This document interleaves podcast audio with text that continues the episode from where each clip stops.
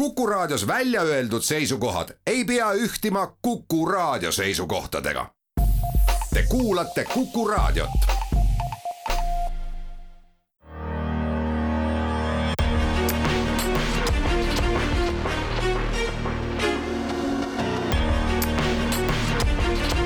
välismääraja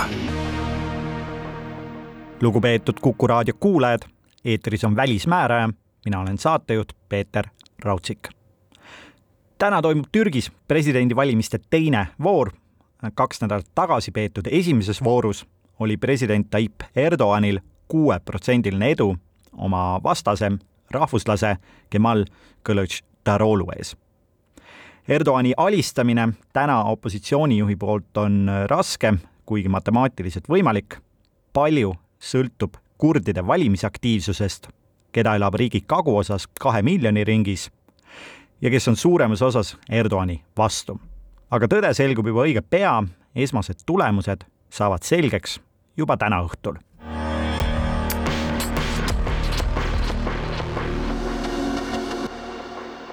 räägime nüüd aga Ukrainast, kus sõjategevus on vähemalt kõrvalt vaadates valgumas üle riigi piiride.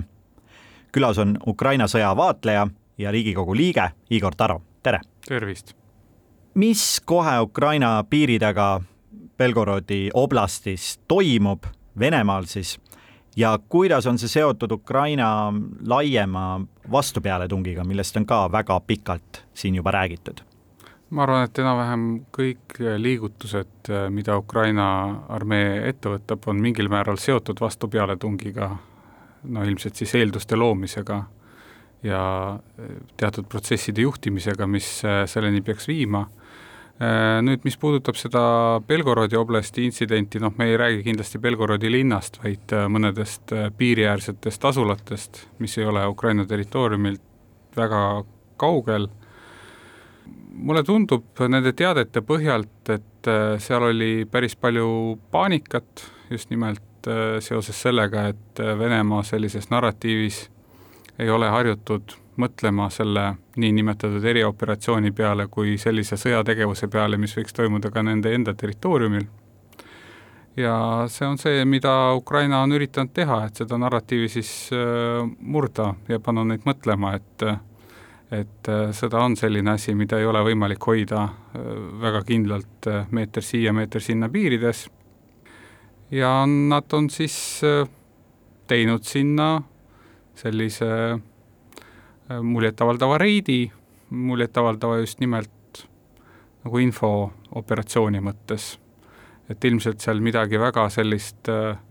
tohutult suurt ja võimsat korda ei saadetud, aga lihtsalt käidi sees ära, näidati, et äh, ega see piir nii lukus ei ole või kui seal ka mingisugused jõud ees olid, siis nad väga ei suutnud midagi takistada.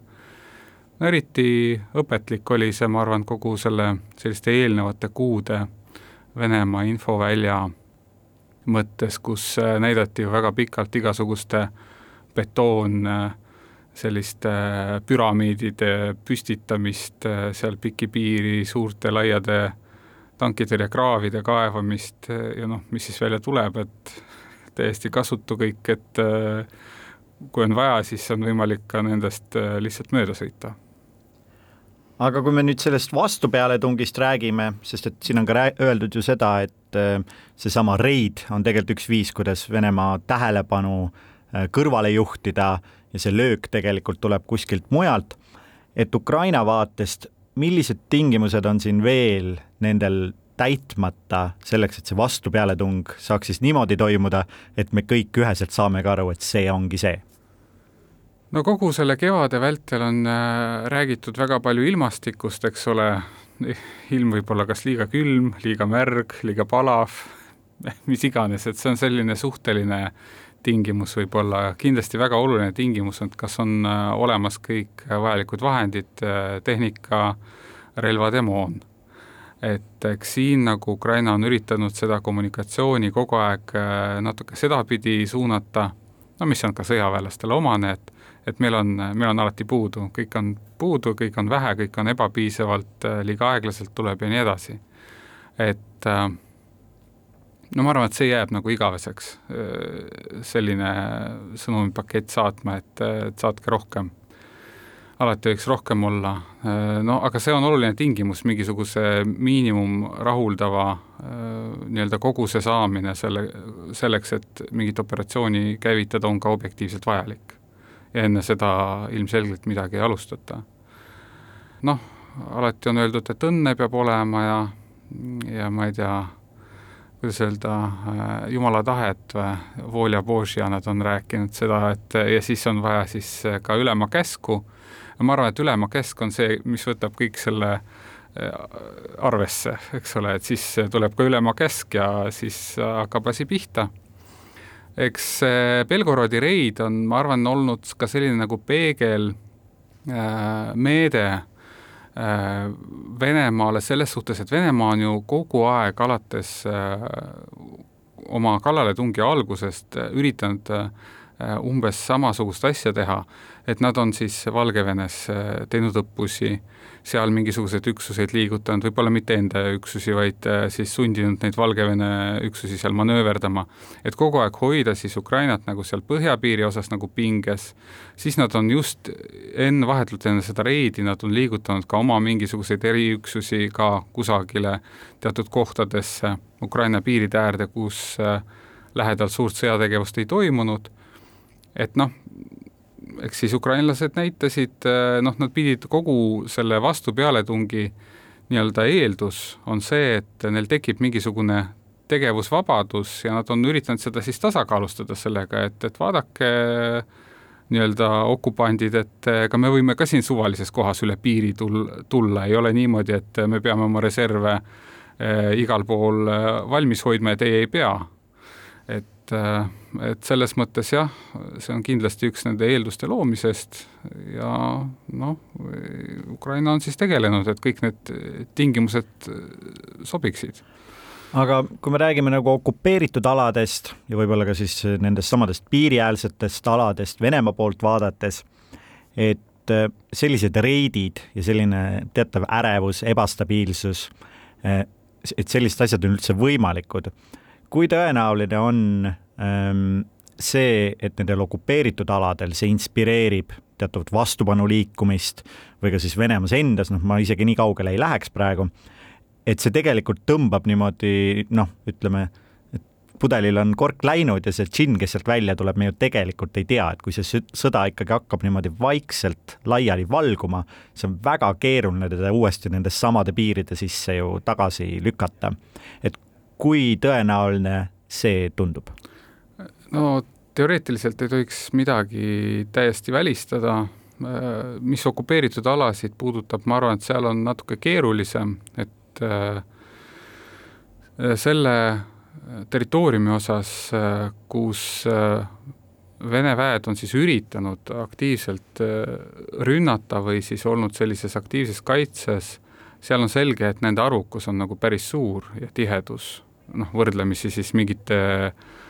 muude lõikudega, et seesama Belgorodi oblast, eks ole, Harkivist natukene, äh, natukene sinna Sumõ poole, et, et seal ongi juba väga hõre järelikult. et äh, see tähendab, et analoogseid äh, liikumisi nüüd nendes kohtades, kus tihedus on suur, noh, pigem on see ebatõenäoline. mingisugune partisani liikumine on olnud ju kogu aeg, et pidevalt on neid uudiseid, kus jälle mingisugune auto õhku lendab, kus on äh, mis kuulub siis kellelegi reeturile, ma ei tea, noh, mõned miilitsaülemad või igasugused tegelased, kes on poolt vahetanud, Ukraina riiki reetnud, ega nende elu, kui nad vähemalt vähe, noh, vähegi ütleme, seal mingit kõrgemat positsiooni on taotlenud, ega nende elu seal raske ja turvaline ei ole. et seda kindlasti juhtub, noh, et seal mingid üksused hakkaksid pooli vahetama. Noh, ma olen pigem nagu skeptiline, et äh, kõik need mobiliseeritud ja, ja noh, rindele toodud äh, äh, tegelased pigem seal ju kardavad oma elu pärast, et vaevalt, et nad nii noh, nüüd hakkavad ideoloogiliselt siin pooli nagu vahetama, et pigem ma arvan, et nad loodavad, et et neile ei saa pihta ukrainlaste kaudtuli, et nad saavad õigel ajal minema, noh,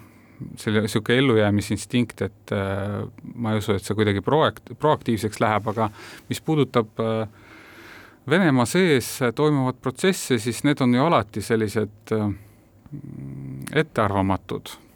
et, äh, et praegu seda ei näe, mis ei tähenda, et, äh, et mingisuguse lühikese aja pärast äh, võib midu, midagi nihkuma hakata, aga ma arvan, et see on võib-olla ka põhjus, miks Vene võimud on teataval määral nagu ettevaatlikud nende täiendavate mobilisatsioonide sellise teema kommunikeerimise osas. see, et nad mobiliseerivad jooksvalt ja kogu aeg, ma arvan, et see on suhteliselt kindel, arvestades seda, kui palju nad kaotusi kanna, kannavad, lihtsalt selleks, et et lappida neid auke, mis neil tekivad nende selliste kahuriliha rünnakutega noh, me näeme ju igapäevaselt, nüüd läks natuke alla viiesaja, aga pikalt oli ta selline seitsesada ja siis, kui nad talvel ründasid aktiivselt või üritasid rünnata, siis oli ju tuhat. eks ole, sul on noh, tuhat võitlejat päevas, läheb sul piltlikult öeldes kuskile ahju või hakklihamasinasse, et ega see lihtne ei ole, et eh, hoida seda nivood kogu aeg niimoodi üleval. ja hoida ka moraali üleval. no hoida moraali seal, noh, et see tähendab, et kusagil Venemaa avarustes peab kogu aeg mingisugune korje toimuma. aga noh, nad ilmselt üritavad seda võimalikult delikaatselt teha,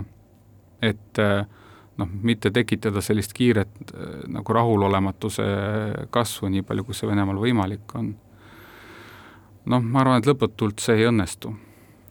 tundub tõesti, et tegelikult mida kauem see sõda kestab, seda enam ta hakkab tegelikult mõjutama ka seda, mis toimub Venemaal sees.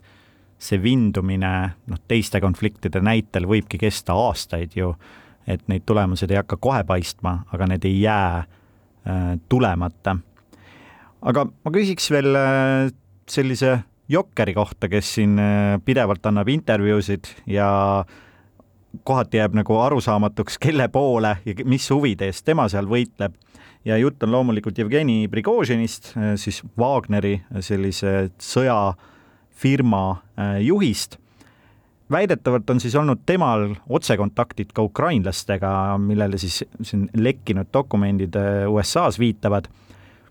kuidas seda hinnata ja kas see Prigožini roll on tänaseks nagu taandumas ja teda on natukene tasalülitatamas äh, või tegelikult Prigožin on jätkuvalt väga sellises keskses rollis, me peaksime kõigele, mida ta ütleb, ka tähelepanu pöörama? ma arvan, et tema roll ongi rohkem selline leheveergudel ja internetiavarustes äh, kommunikeerimine. et äh, isegi, kui äh, see roll oli lahinguväljal teatud ühes väikeses lõigus mingis äh, ajaraamis äh, kuidagi oluline, siis kindlasti see ammu enam nii ei ole et äh, ka see, sellest räägivad ka tema enda sõnumid, eks ole, kui ta on äh, väitnud, et äh, talle ei anta moona, talle ei anta varustust, mitte midagi talle ei anta, et ta ei saa enam sõdida, noh, see on selline nii ja naa, et enda puhtaks pesemine ka võib olla. kindlasti mängib ta noh, täiesti selgelt ikkagi Putini poolel et ma arvan, et ei ole mõtet ennast eksitada, et ta kuidagi ka siis, kui tal Ukraina poolega mingisuguseid kontakte on või et ta on üritanud võib-olla sealt äh, sinna mingisugust infot lekitada, äh, noh, kes teab siis, mis, äh, mis eksitamise eesmärgil see on tehtud, ma arvan, et tema on ikkagi täiesti läbi ja lõhki Putini mees, et seal ei ole äh, arvata, et äh, jah, et äh, mingisugust paralleel või mingit oma rida saab väga ajada, et äh, jah, ta teeb rünnakuid sõjalise juhtkonna suhtes, aga need on siis natukene Putinist alati allpool olevad tegelased, et kõige kõrgemat ülemjuhatajat ju kunagi ei puutu. ja võib-olla on need, see viitab tema need teravad sõnad ja viitavad hoopis sellele, et nende positsioon ongi Putini silmis ka muutunud selle äh, sõja taustal, aga jah, ma olen nõus, et äh, Wagner ju tervikuna ka aastaid varem on mänginud ju täpselt ikkagi Putini laiemate huvide kaitsel. Ehm, aitäh nende kommentaaride eest, Igor Taro. välismääraja teeb lühikese pausi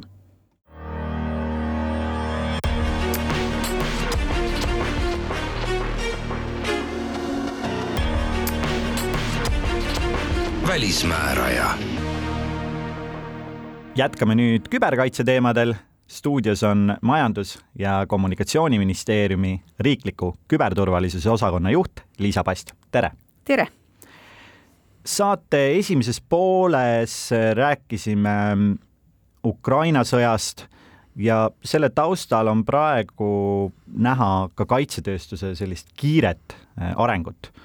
Eestiski on see valdkond ju jõudsalt kasvamas ja tõmbab enda poole äh, spetsialiste, tippjuhte.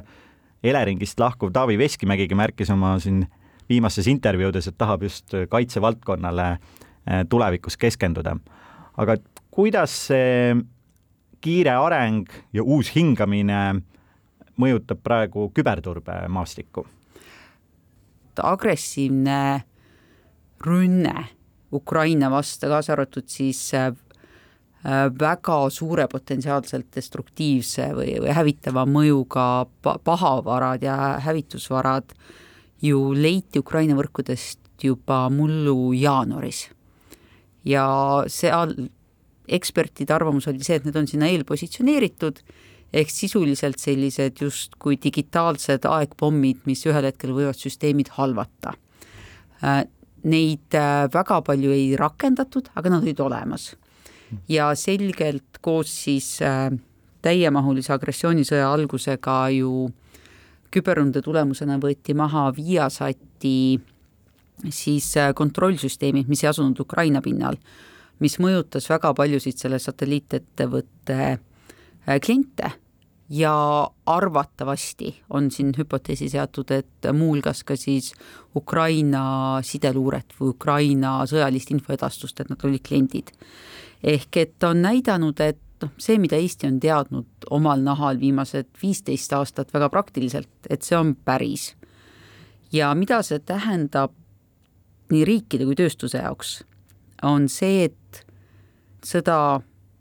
algab küberruumis, enne kui ta algab reaalselt ja ta võib püsida ainult küberruumis. ta käib riikidevaheline ja ka küber siis kurjategijate agressioon on, on pidev ja ei ole mingit põhjust arvata, et agressioon küberruumis lõpeb siis sellel hetkel, kui Ukraina võidab oma vabadussõja.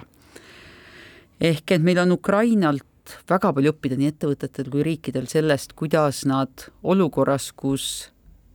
elutähtis taristu on, on pommitatud või väga selge pommitamise, hävitamise ohuga, kuidas digitaalsed teenused hoida käigus. et Eesti ju on täna testimas äh, mobiilriiki, mis on äh, ukrainlaste lahenduse pealt võetud, samamoodi loomulikult turvaliselt andmete välismaale liigutamine ja muu selline. aga kui vaadata seda just selle riikide ja rahvuslaste suhete kontekstis, siis on ta meeldetuletus, et heidutus ei ole piisav ja veenev äh, küberruumis, vaid sa pead igal juhul tegelema mitmekihiliste kaitsemeetmetega, et lisaks mm. heidutamisele sa pead eeldama, et küberründed on justkui planeerimise eeldus. Need igal juhul juhtuvad ja sa pead eeldama, et vastane võib su süsteeme kompromiteerida. ja mida Eesti on sealt õppinud, on see, et kuidas kasutades erasektori ja ka väga kiiresti arenevad selliseid reaalajas uuenevaid kaitsemeetmeid. kuidas neid vahendeid ja tööriistu kasutades enda teenused üleval hoida? see, et kui tulebki massiline teenustõkestusrünne, mullu Eesti nägi vähemalt kolme suurt unikaalset meie vastu suunatud teenustõkestust, noh ummistusründelainet, mis olid selgelt poliitiliselt motiveeritud, nad kaasnesid kas NATO küberkaitse oivakeskuse õppusega Lock Shields siis veidi rohkem kui aasta tagasi Narva tanki äh, siis äh, liigutamisega. samal päeval tuli laineründeid või täpselt paar tundi pärast Vene Föderatsiooni terroristlikuks režiimiks kuulutamist Riigikogus nägi Eesti väga suurt sellist noh, ummistusrünnete lainet. aga kuivõrd meie kaitse on nii palju rohkem reaalajas ja reageerivam ja täpsem, kui ta oli viisteist aastat tagasi, see sektor on nii palju uuenenud, siis me jäime püsti. ehk et see, mida ongi õpitud, on ennekõike see arusaam, et need targad, kiiresti õppivad reaalajas niisugused mitmekihilised kaitsemeetmed on hädavajalikud. aga siit äh, me jõuangi ühe sellise uue tööriistani, millest siin äh, laiemalt ka avalikkuses on ju väga palju juttu ja võib-olla repliigina veel enne, et eile äh, pidas sajandat sünnipäeva legendaarne USA diplomaat Henry Kissinger, kelle üheks austajaks olevat siis ka Vene välisminister Sergei Lavrov. aga tema on nii-öelda klassikalise jõudude tasakaalu ja geopoliitika põhimõtete pooldaja, aga oma viimases raamatus ähm, äh, puudutas ka te uute tehnoloogiate teemat ja seal ta rõhutas, et tegelikult need uued tehnoloogiad võimestavad eeskätt üksikut inimest, väikeseid gruppe, äh, andes nendele rohkem jõudu juurde kui isegi riikidele. Ja see küsimus natukene ongi seotud sellega, millest juba praegu juttu oli et äh, kuidas see tehnoloogiate nii-öelda demokratiseerumine, äh, kättesaadavamaks muutumine, kuidas see küberkaitset ja tegelikult ka ründeid äh, mõjutab ja kui veel täpsemaks minna, siis praegu loomulikult väga palju räägitakse ju tehisintellektist ja räägitakse nendest tööriistadest, mis põhinevad tehisintellektil. kas need tööriistad ja nende lai kättesaadavus aitavad rohkem küberründajaid või küberkaitsjaid? Sageli arvatakse, et tehnoloogia kui selline kannab endas mingit positiivset või negatiivset väärtust, ehk et noh, nii see tehnooptimism, et innovatsiooniga me saame paremaks ja vabamaks ühiskonnaks, kui ka selline ludiitlik, jääme ikkagi valgustusaja on ju siis ideaalide juurde ja kirjutame endiselt sulega. et need mõlemad eeldavad, et ludiidid veel äh, lõhuksid selle tehisintellekti, lammutaksid laiali ka. aga see jookseb eest ära, mina neid bitte ja baite ei oska küll üles leida et, et see eeldab, et tehnoloogia iseenesest, asi iseenesest on, kannab endas justkui mingit positiivset või negatiivset või moraalset väärtust. ja see ei ole reeglina tõsi. tehnoloogia rakendus, see, kuidas sa teda rakendad kas rakendades ai-d sa, kui sa valid, mis on tema nii-öelda treenimisandmed, see mõjutab tegelikult seda, mis on see tulemus, et kui sa lased ta lahti nagu on mõned oma loomuliku keele ai lahti lasknud lihtsalt sotsiaalmeediasse, siis varem või hiljem ta õpib ära kõik need rassistlikud rumalused, millega sa saad kõige rohkem aplausi või vähemalt reageeringuid viimase aasta kindlasti ju kõige suurem ja ka kõigile nähtavam muudatus on see loomuliku keele tehisintellekt, mis äh, sisuliselt suudab, noh, suured tekstimudelid, mis suudavad äh, siis väga suurt tekstimassiivi töödeldes leida sealt statistiliselt kõige tõenäosemalt kõige õigema vastuse. ja sealhulgas ka seda vastust siis kirjutada loomuliku keele sarnaselt valides ka mis häälega. ehk et need küsimused, et äh, palun kirjuta mulle kutse õue mängima, nagu seda teeks kuueaastane tüdruk. Need on täiesti reaalselt nagu asi, mida ai teeb kiiresti, loomuliku keele siis äh, suured loomuliku keele mudelid teevad kiiresti ja palju paremini kui üks inimene saaks, et inimesel ei ole võimalust nagu nii kiiresti või mentaalselt nii kiiresti ümber orienteeruda äh, hollandi keeles vanainimesest eestikeelseks alaealiseks. mida need tekstimudelid suudavad, mis omakorda tähendab seda, et see sihitud õngitsusründed, äh, ükskõik, kas nad, nad võivad olla noh, see nii-öelda Nigeeria kirja või petukirja on kõik näinud, aga sihitud õngitsusründed on esiteks palju usutavamad, sest see keel, mida siis see suure keelemudeli pealt toodetakse, ongi nii palju kvaliteetsem kui pettur äh, masintõlkega. ja ta saab olla reaalajas või reaale lähedane, ehk et see pettur saab rakendada suuri keelemudeleid enda nimel vestlema, äh, mis tähendab seda, et tema selline petturlik, ükskõik, kas see on siis rahalisel eesmärgil, poliitilisel või kas või selleks, et mõne riigi otsustajaid saada oma lõo otsa, lihtsalt see võimestab seda petturit väga selgesti. teiselt poolt, mida see tähendab kaitses, on ju samamoodi, et see, kus sul on piisavalt ees andmeid, mis on õige, mis on vale, mis töötab, mis ei tööta, seal sa saad äh, panna masina tegema triaaži. ja see, et kaitses automaatne triaaž ja blokeer- ja halva nii-öelda sisu. ükskõik, kas see on siis mingisugune ummistusrünne, kas ta on petukiri, millel on sellised selged petukirja tunnused, mitte teksti sees, aga juba metaandmetes saatmisserveri tõttu või kus keegi on öelnud, et noh, sellised indikaatorid on küberründel. kui üks analüütik või üks ettevõte või riik seda jagab teistega, siis teistel piisab ainult need indikaatorid nii-öelda masinasse sisse sööta, et blokeering muutuks automaatseks ehk et kaitse poolel tähendab tehisintellekt seda, et seda kõige limiteeritumat vara, inimest, kes suudab teha siis nagu keerukamat analüüsi ja kompleksset olukorda hinnata, saad sa kasutada täpselt seal ja sellised lihtsamad asjad, et äh, kui on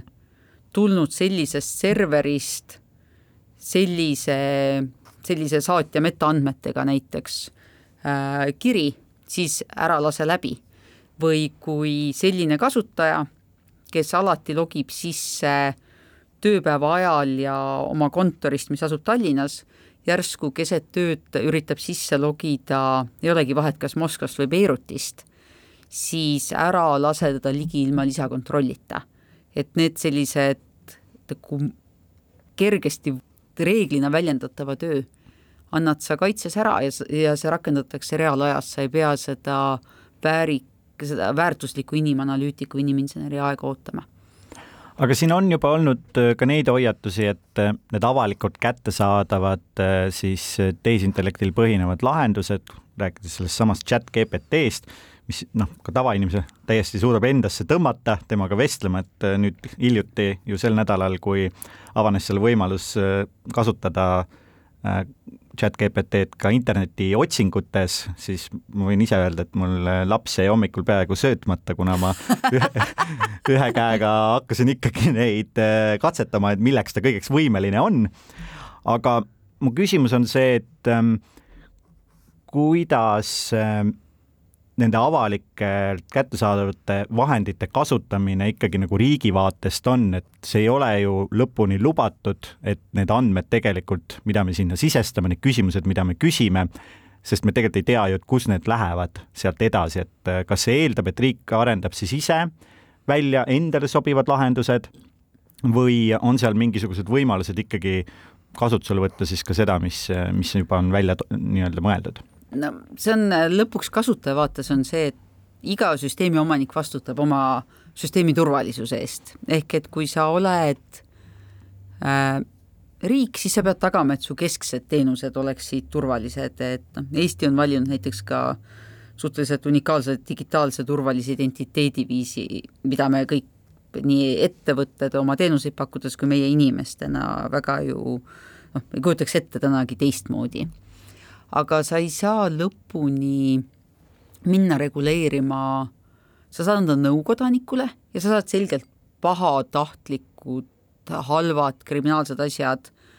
äh, noh, rääkimata siis selgelt kriminaalsest asjast nagu alaealiste väärkasutus internetis või, või ilma siis osapoolte loota tehtud pornograafilised materjalid, seda sa loomulikult saad ja pead reguleerima aga mis puudutab näiteks kasutaja käitumist sotsiaalmeedias, siis tal äh, tänases meie õigusruumis peab olema see vabadus. ja muuhulgas siis see arusaam, et sellest, kus su sotsiaalmeediaplatvorm on omaniku peakorter asub, sellest sõltub äh, väga palju see, kuida-, kui hästi su andmeid hoitakse. Äh, kõik sotsiaalmeediaplatvormid koguvad maksimaalset hulka kasutaja andmeid. mitte ainult selle kohta, mida sa ise sinna paned, aga samamoodi kui sa oled lubanud geolokatsiooni. väga kergesti on võimalik seega aru saada, kuidas sa liigud, mille läheduses sa viibid. kui sa oled lubanud ligipääsu kaamerale ja ja mikrofonile, kui sa oled lubanud ligipääsu näiteks oma kalendrile või, või teistele rakendustele siis see on ju väärtuslik, need andmed on väärtuslik vara sellele platvormile. Äh, kohtades, kus ei ole isiksustatud andmete hoidmine sellisel viisil, et neid kommertslikult ära kasutada isiksustatult lubatud, tähendab see seda, et mingit nagu suurandmeid kasutatakse kommertseesmärkidel hmm. või et vastavalt sinu käitumisele siis müüakse sind reklaami sihtmärgina. ja seda teevad kõik sotsiaalmeediaplatvormid. problemaatiliseks äh, saavad need nagu näiteks TikTok, mille peakontor asub riigis, kus seadus sunnib ettevõtjaid koostööle luureasutustega.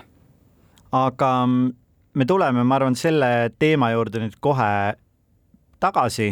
teeme siinkohal väikese pausi.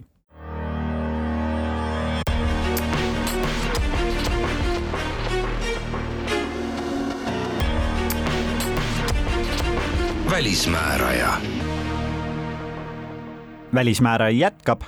saates on külas Majandus- ja Kommunikatsiooniministeeriumist eh, Liisa Past, küberturvalisuse ekspert küberruumis ja me juba enne natukene hakkasime sinna välja jõudma, on lääne suurimaks vastaseks äh, kujunemas Hiina, just seesama äh, riik, kus siis ka palju kõmu tekitanud TikTok pärineb ja sellega seotud probleemid. Aga kui nüüd laiemalt korraks vaadata, kuidas Euroopa Liit ja Lääs tulevad nende küberohtudega toime, mis Hiinast lähtuvad ja kas neid hoiatusi siis Hiina tehnoloogiate kohta võetakse piisavalt tõsiselt, mida on ju jaganud ka Eestis Riigi Infosüsteemi Amet. kas need on tõsiselt võetud äh, kodanike ettevõtete poolt või tegelikult siin on veel päris palju nagu teavitustööd teha? pilt on alati kirju. loomulikult nii siis varasemalt infoturbe professionaalina ja infoturbe juhina kui ka täna MKM-is selle valdkonna eest vastutavana, kus, mille agentuur Riigi Infosüsteemi Amet on, soovitan mina küll nende soovitusi võtta väga tõsiselt ja minu professionaalne praktika on ka näidanud, et äh, lugeda neid sageli ja varakult ja võtta neid sageli ja varakult tõsiselt on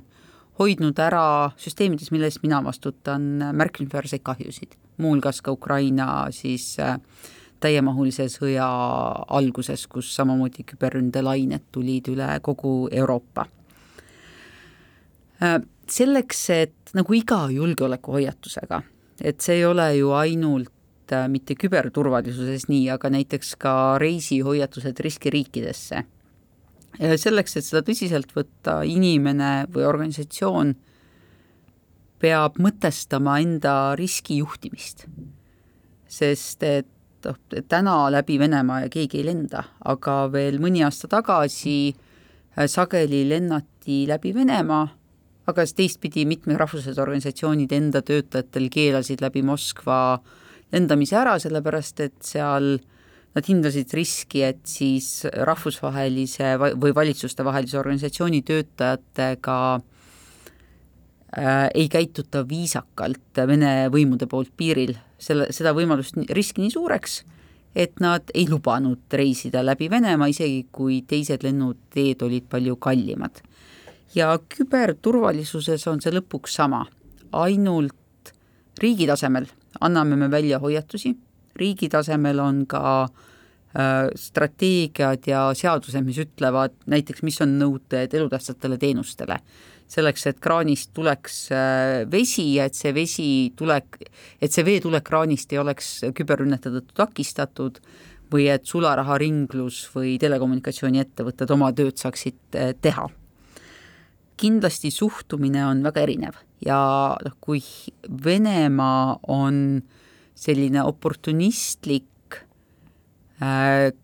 ja reaktiivne käituja küberruumis sageli, siis Hiina puhul oleme me ju Hiinas toodetud ja muuhulgas ka sageli Hiina ettevõtete poolt toodetud seadmetest äh, no selles tarneahelas sõltuvuses või me oleme teinud need tehnoloogiavalikud, et kasutada siis kõrgema riskiga ettevõtete seadmeid. kas selle tõttu, et sellel hetkel oli see odavam või selle tõttu, et äh, kui rahasäästu himu on suurem kui riskitaju no see võis ka olla see, et see oli ka ainukene kättesaadav asi tarneahelate sellise kriiside taustal. ja on ka, noh, kahtlemata seda küsimust tulebki ka raamistada sellega, et kui välja jätta mõned väga üksikud äh, väga üksikud valdkonnad, noh näiteks äh, 5G tuumikvõrk, kus tõesti ka Euroopa ettevõtted on maailma liitrid, liidrite hulgas, siis väga palju tehnoloogia hulgas on Euroopa valik täna, täna see, et kas sa oled sõltuvuses, millisest mitte Euroopa tootjast sa oled sõltuvuses. Ja kas sa hindad, et äh, see risk, mis tuleb selle tõttu, et Hiina tootjatel on sageli mitte läbipaistvad kontrollsüsteemid, see, et äh, Hiina tootjad äh, võivad olla ja seadusega peavad tegema, võivad olla nende siis jõustruktuuride kontrolli all ja peavad tegema koostööd, muuhulgas andma üle lähtekoodi, andma üle andmeid võimudega, julgeolekuvõimudega. E, kas sa hindad seda riskiks? kui see on sul üksik kaamera, millega sa vaatad, noh, kui see on nagu nii-öelda kakukaamera, on see Hikvision näiteks on üks Hiina tootja rakendatud selleks, et näha, kas juba munad koorunud kakul, siis see võib-olla ongi õigustatud risk, aga sa pead aru saama sellest, mis riski sa aktsepteerid mm. -hmm. aga kui sama kaamera on sul rakendatud kõrgema pro-, riskiprofiiliga kohal, näiteks valvekaamerana, siis sa pead väga täpselt aru saama, ega need, ega see pilt ei jõua sinuni läbi Hiinas asuvate serverite andmeühenduste mm. -hmm. ja see on see on see, mida igaüks lõpuks ise hindab enda tehnoloogia kasutust ja siis neid samu riski- ja ohuhinnanguid, mida sa mainisid, mida Eestis annab välja paljuski Riigi Infosüsteemi Amet. aga need Hiinast lähtuvate ohtude taustal veel, et ähm, sellesama TikToki üle on ju olnud äh, ka meil siin arutelusid, Riigi Infosüsteemi Amet on isegi öelnud, et peaks kasutama eraldi seadet äh, TikToki kasutamiseks. Ja meenub hiljutisest veel uudis, kuidas USA-s siis Montana osariik otsustas keelustada selle rakenduse, aga et nende sotsiaalmeediaplatvormide nagu TikTok ja 5G sellise noh, ütleme taristu, taristust kõrval, kas siin on veel mingeid uusi selliseid trende, millest võib-olla avalikkuses räägitakse täna vähe, aga mis siin järgnevate aastate jooksul võivad nagu olla meie kõigi jaoks märksa olulisemad just nende ohtude vaatest? kõige olulisem selline makrotrend tehnoloogias on tarneahela sõltuvused. et üks asi on see, kui tõesti sul juba eelnevad sammud tehnoloogiast on ühe tarnija poolt, ühe tootja poolt sisustatud, kas sa selle peale saad teisega ehitada? kas sa saad, ka väga lihtsad näited, et et äh, pisielektroonikal olid vahepeal tõsised tarneraskused, et kui sul tõesti mingi kas ekraan läheb katki või mingi kontroller äh, kärssab läbi, kas sa saad ta asendada lihtsasti teise samaväärsega või sa pead ootama. aga suurem tarneahela küsimus on see, et kui sa oled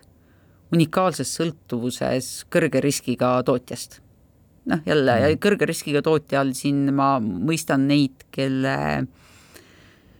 kelle kas äh, omanikud ei ole läbipaistvad, kes ei austa intellektuaalomandit keda võidakse sundida ilma sanktsioonita julgeolekualasele koostööle või sunnitakse juba nende koduruumi seaduste tõttu äh, või kelle juhtorganid otsused ei ole läbipaistvad, ehk et seal võib ka olla nagu sanktsioneerimata riigi osalus mm -hmm. sees Äh, siis see võib tähendada seda, et ühel hetkel sa lihtsalt ei saa seda seadet ja sa ei saa enam oma, sa ei saa teda kasutada ja su infosüsteem läheb maha, aga teistpidi ka, kui see tootja on kellegi kontrolli all, noh jälle Hiinas seadusega peavad tootjad turvanõrkused esimesena valitsusele teada andma mm. ja kui valitsusel on olemas turvanõrkuste info äh, esimesena ja olemas siis nii-öelda koodibaas, selle sea-, tarkvara, mida see seade kasutab, siis see, et kuidas seda kasutada ära ründe tegemiseks, ükskõik, kas see rünne on lihtsalt süsteemi halvamine või see on midagi agressiivsemalt, noh näiteks andmevargus, annab nii suure ründevektori juba sellele valitsuse kätte ja, ja selle tõttu just tarneahel nii puhtalt tehnoloogia kättesaadavuse vaates kui see, et kas sa näed, kus need elemendid kokku tulevad, nii tark kui riistvara. aga veel viimase küsimusena siia, et äh, Hiinast oli praegu väga palju juttu ja noh, eks needsamad asjad äh, kehtivad ka laiemalt, et oluline võib-olla ongi silmas pidada neid tingimusi ähm,. et äh, see ei ole ainult ju Hiina, vaid need on kõik riigid, kellel võib olla mingi väga spetsiifiline äh, toode, mis on turul laialt levinud, aga kes tegelikult võib seda samamoodi halbadel eesmärkidel ära kasutada. aga kui palju on praegu näha siis koostööd, ütleme, see on natukene spekuleeriv, võib-olla see küsimus ka, aga koostööd siis Venemaa, Hiina, Iraani vahel äh, näiteks kübervaldkonnas äh, küberrünnete korraldamisel, sest et noh, seda koostööd me tegelikult Ukraina sõja taustal teistes valdkondades ka sõjandusega seonduvalt näeme väga selgelt, aga küberruum on võib-olla tagaplaanil natukene, et kas see koostöö on kuidagi tajutav seal või isegi nähtav äh, või tegelikult igaüks ajab nagu oma asja? see, mis on kindlasti nähtav, on see, et riigid või poliitiliselt motiveeritud tegutsejad, noh, võivad olla mõnel juhul ka nii-öelda parapoliitilised äh,, aga ka riigid ja nende kontrolli all olevad nii-öelda küber, kübervõimega üksused, küberründeid ja oma üldist riiklikku poliitikat äh,, noh, see, see seos on selge. Ja seega sinu küsimus, et kui see seos on selge ja siis seosed äh, teevad ütleme siis vaba lääneliku ühiskonna suhtes mittesõbralikult meelestatud riigid omavahel koostööd, kui kaugele läheb siis nende nii-öelda küberalane koostöö? Äh, seda on keeruline öelda ja seda on keeruline öelda esiteks sellepärast, et kübertööriistad ja meetodid nii-öelda on äh, kui nad saavad teatavaks, siis nad reeglina saavad teatavaks äh, nii kriminaalidele kui riikidele kui aktivistidele korraga ja neid nii-öelda nullpäevi, mida enda käes hoiab näiteks üks riiklik tegutseja, äh, neid on, aga nende kasutamisega ollakse väga-väga ettevaatlikud, sest kui sa oled selle ühe korra ära kasutanud, et noh, seda püssirohtu ei saa uuesti kuivaks. et kui sa kasutad ära mingi, mingi ründeviisi, mis on sinu välja mõeldud, siis on äh, suur tõenäosus, et teised saavad aru ja hakkavad sedasama ka kasutama ja siis ongi nende pahatahtlike käitujate tööriistad ja meetodid on sageli sarnased. ja kuivõrd sõltu, üleilmne sõltuvus äh, tehnoloogiast ja üleilmsed tehnoloogiapakkujad on ka sarnased, siis see pilt lähebki väga kirjuks. noh, näiteks äh, ühte Microsoft Exchange'i turvanõrkust, mis, äh, turvanõrkuseid alati juhtub, turvanõrkusi sa ei saa lõpuni välistada, sa saad ainult olla kin-, katsuda võimalikult kiiresti enda mõju vähendada. Äh, seda on kasutanud mitmed poliitiliselt äh, motiveeritud tegutsejad ja selgelt mitte siis nagu Microsofti endaga koostöös. Ähm, mis tähendab omakorda, et riigina nii Eesti kui meiega sarnaste sellise kõrge digitaliseerituse astmega ühiskondade jaoks on ennekõike oluline, et kuidas ennast kaitsta ja minu jaoks see, kui keegi Ameerika kolleegidest samasuguse küsimuse peale ütles, et tead, et ma saan nagu aru sellest diplomaatilisest rahvusvaheliste suhete professionaalide murest, et kes ikka ründas. aga pragmaatiliselt, kui ma olen oma süsteemid ära kaitsnud kõigi ründajate eest, siis ma olen nad ära ka kaitsnud äh, Venemaa, Hiina, siis äh, Põhja-Korea ja Iraani vastu. ja minu jaoks see, et minu kasutajad saavad turvaliselt teha seda, mida nad tahavad, on kõige olulisem. see tundub väga loogiline, et eh, kui müür on piisavalt kõrgeks ja turvaliseks ehitatud, et siis ei ole vahet, kas see rünnak tuleb idast või tuleb ta lõunast. et tegelikult piisabki sellest, et meil on see müür olemas aga aitäh nende kommentaaride eest, Liisa Past, Majandus- ja Kommunikatsiooniministeeriumi küberturvalisuse osakonna juhataja. mina olin Peeter Raudsik, Välismääraja on jälle eetris juba järgmisel pühapäeval kell üksteist.